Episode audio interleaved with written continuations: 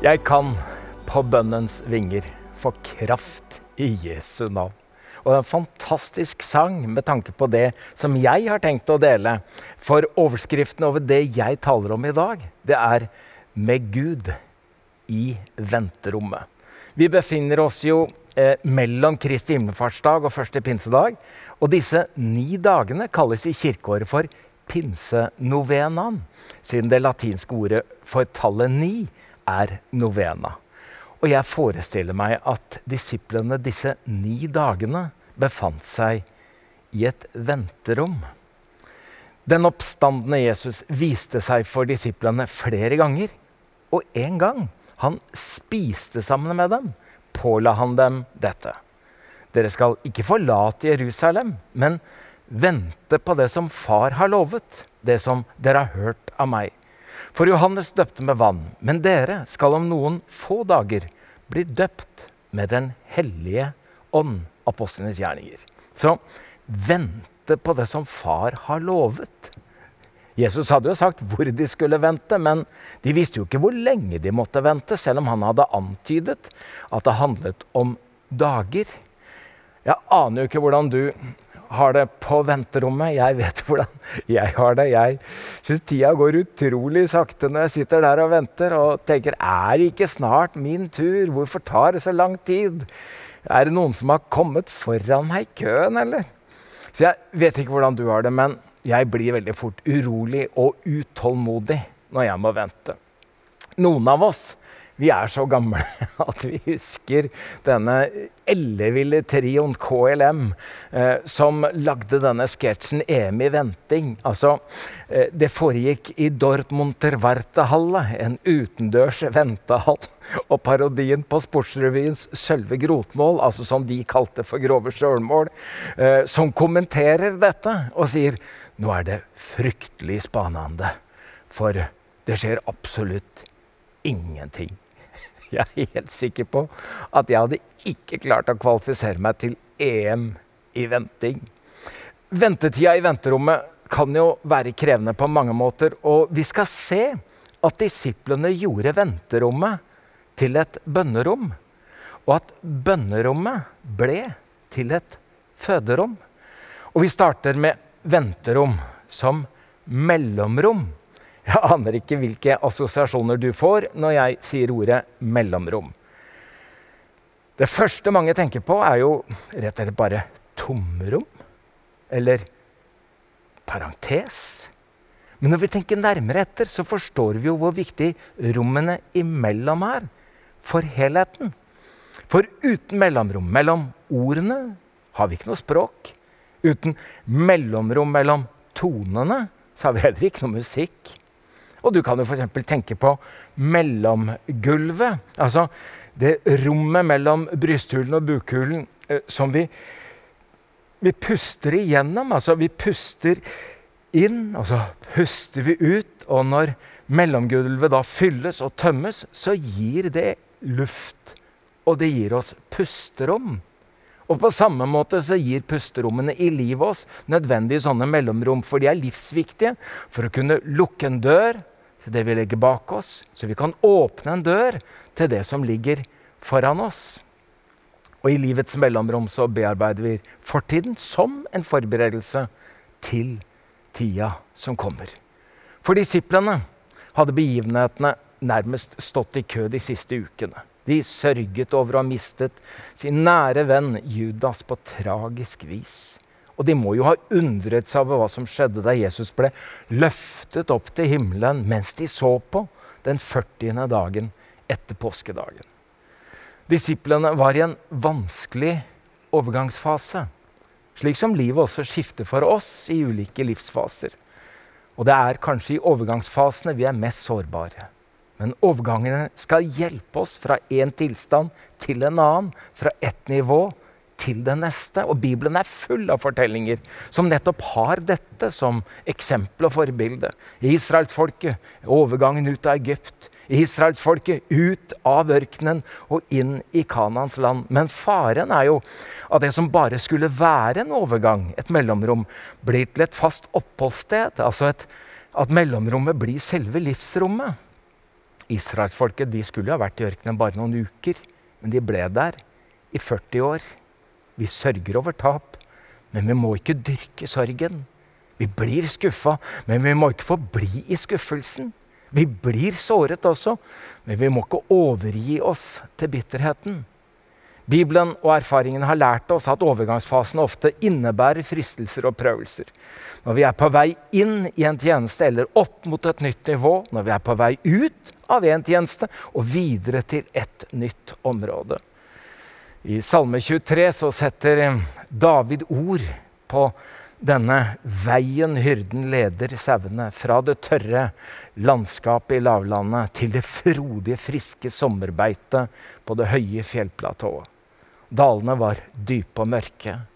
Rovdyra var mange og farlige. Om jeg enn skulle vandre i dødsskyggens dal, frykter jeg ikke for noe vondt.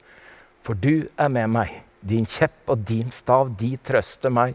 Du dekker bord for meg, like foran mine fiender. Du salver mitt hode med olje. Mitt beger renner over. Fra dødsskyggens dal mellomrommet, overgangen til fjellplatå, eller tableland som det heter, der Gud dekker bord for oss. Mellomrommet er som en bro. En bro over mørke daler og høye bølger. Eller 'Like a bridge over troubled water', som Simon og Garfunkel sang.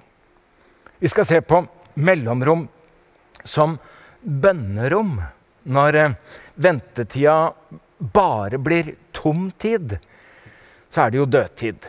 Men når den fylles med mening, så kan ventetid bli livstid. For disiplene ble pinsenovenaen, de ni dagene i venterommet, en forberedelsestid for gjennombruddet som kom på pinsedag. Da vendte de tilbake til Jerusalem fra den høyden som het Oljeberget og ligger nær Jerusalem. Bare en sabbatsreise unna. Inne i byen gikk de opp på den salen hvor de pleide å holde til. Og så står det i vers 14.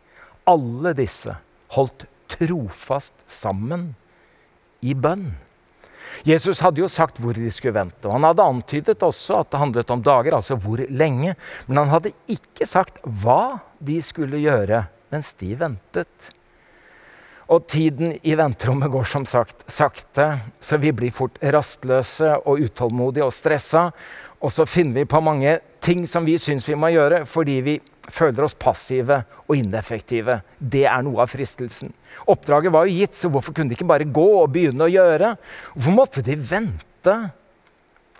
Disiplene gjorde venterommet til et bønnerom, og venterommet ble til bønnetid, og bønnetid er Guds tid. Jeg tror ikke at disiplene bare tryglet og ba om å få, få, få. Men jeg tror at de ba om å være i stand til å ta imot det Gud hadde lovet å gi. Vi venter jo ikke på Gud som om han er utenfor ventetida. Vi venter med Gud i venterommet. Jeg ser for meg en gravid kvinne som venter i ni måneder. Hun venter jo ikke bare på barnet, hun venter med barnet. Eh, på terminen, som sier at barnet nå kan komme. Og gang på gang så leser vi dette i Bibelen. Da tiden kom, da tiden var moden, da tiden var inne. Eller et uttrykk som jeg elsker i tidens fylde. Bibelen er full av fortellinger om kvinner og menn som ventet på løftet Gud hadde gitt dem at det skulle gå i oppfyllelse. Og En av dem var Simeon i tempelet, som ventet på at tiden skulle komme med trøst for Israel. Han ventet. Noen ganger har vi en opplevelse av at bønnene ikke når til taket i bønnerommet. Og da er det i tilfelle veldig avgjørende hvilket rom vi tror vi befinner oss i. Av og til så tror vi at vi er et rom, og Gud er i et helt annet.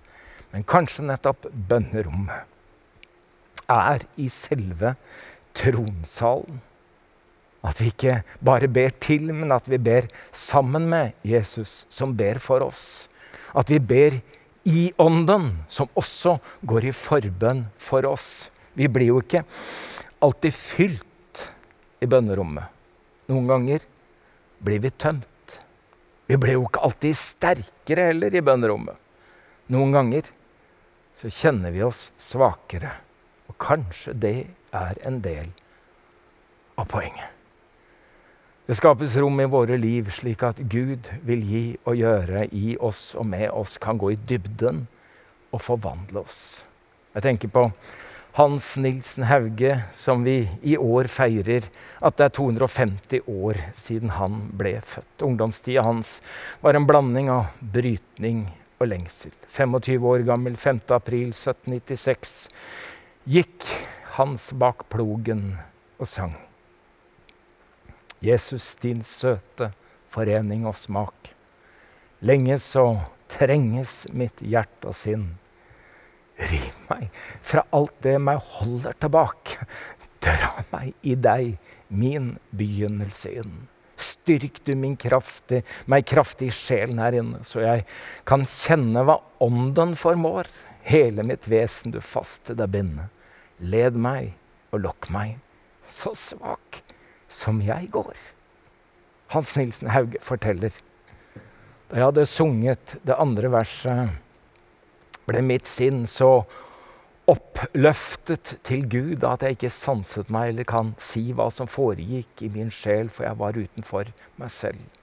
Straks jeg kom til meg selv, igjen angret jeg at jeg ikke hadde tjent min kjære over alle ting, eh, over alle ting gode Gud, og jeg syntes det ikke verden var å regne for noe.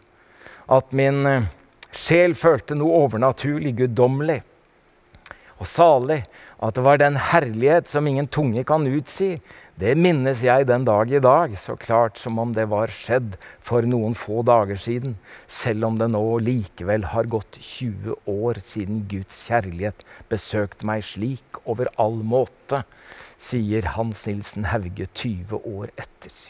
Det var pløyet så dypt i den unge Hans at ånden fikk tak i hele hans personlighet noen ganger blir vi svakere for at vi kan bli sterkere. Og noen ganger må vi tømmes for vårt eget før vi kan fylles av Gud. Og ventetida er en sånn modningstid. Og bønnerommet er da et sånt modningsrom. Da vi kan si at bønnerom blir som føderom. Bibelen, men også erfaringen, har lært oss at de som ber, ofte er bærere av det de ber om og venter på. Akkurat som bonden som bærer høsten allerede når han sprer såkornet. Og som uh, foreldre etter fem så snakket uh, Ture og jeg veldig ofte om hvor glad vi var for at graviditeten varte i ni måneder. Den tida, tida fosteret trengte for å kunne fødes, trengte vi for å bli klare for å ta imot barnet. Og jeg husker altså første gangen vi var på fødeklinikken på Aker sykehus, så oppdaget jeg et uh, stort skilt der det sto 'forløsningsavdeling'. Jeg, sånn. jeg hadde lest i Bibelen om skaperverkets forløsning og hørt mange taler om Jesus som den store forløser, men jeg visste ikke at det hadde noe med barnefødsler å gjøre. Og midt i de verste venene sa jordmora til kona mi 'Nå forløser jeg deg'. Og smerten ble til glede da den nyfødte lå i mors armer. Første pinsedag ble kirkens fødselsdag. Kirken som Kristi kropp så dagens lys. Ikke som et resultat av menneskelig arbeid og anstrengelse, men som et verk av Gud selv.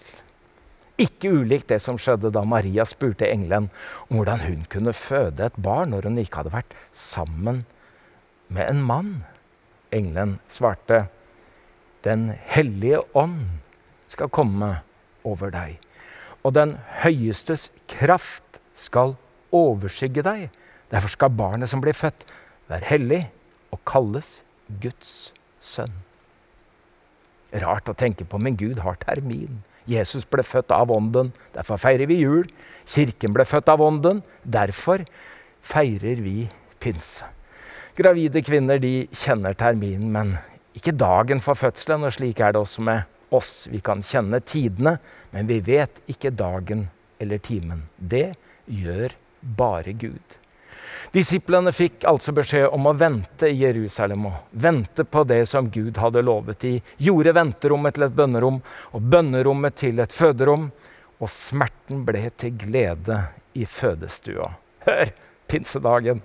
Da pinsedagen kom, var de alle samlet på ett sted. Plutselig kom det fra himmelen som når en kraftig vind blåser, og lyden fylte hele huset hvor de satt. Vi har også snakket om Gud i venterommet. Og jeg vet jo ikke om du befinner deg i noe du vil betegne som et venterom, et mellomrom. Det er jo ikke nødvendigvis en undergang, men forhåpentligvis en overgang mellom det som var, og det som kommer. Ikke la det mellomrommet bli et tomrom. Du venter ikke på Gud, du venter med Gud.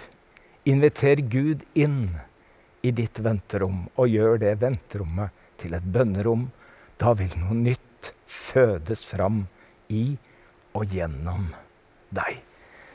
Skal vi be sammen? Herre, jeg takker deg for at du er ikke bare her, men du er der hvor dette ses og høres. Og du vet hvor vi er i livet, hvilken livsfase, og de som er i overganger og venter på noe viktig. Herre, jeg ber, kom Hellige Ånd. Og jeg ber om at ut fra bønn og smerte, ut fra lengsel og fortvilelse, må det fødes nytt liv i Jesu navn. Amen.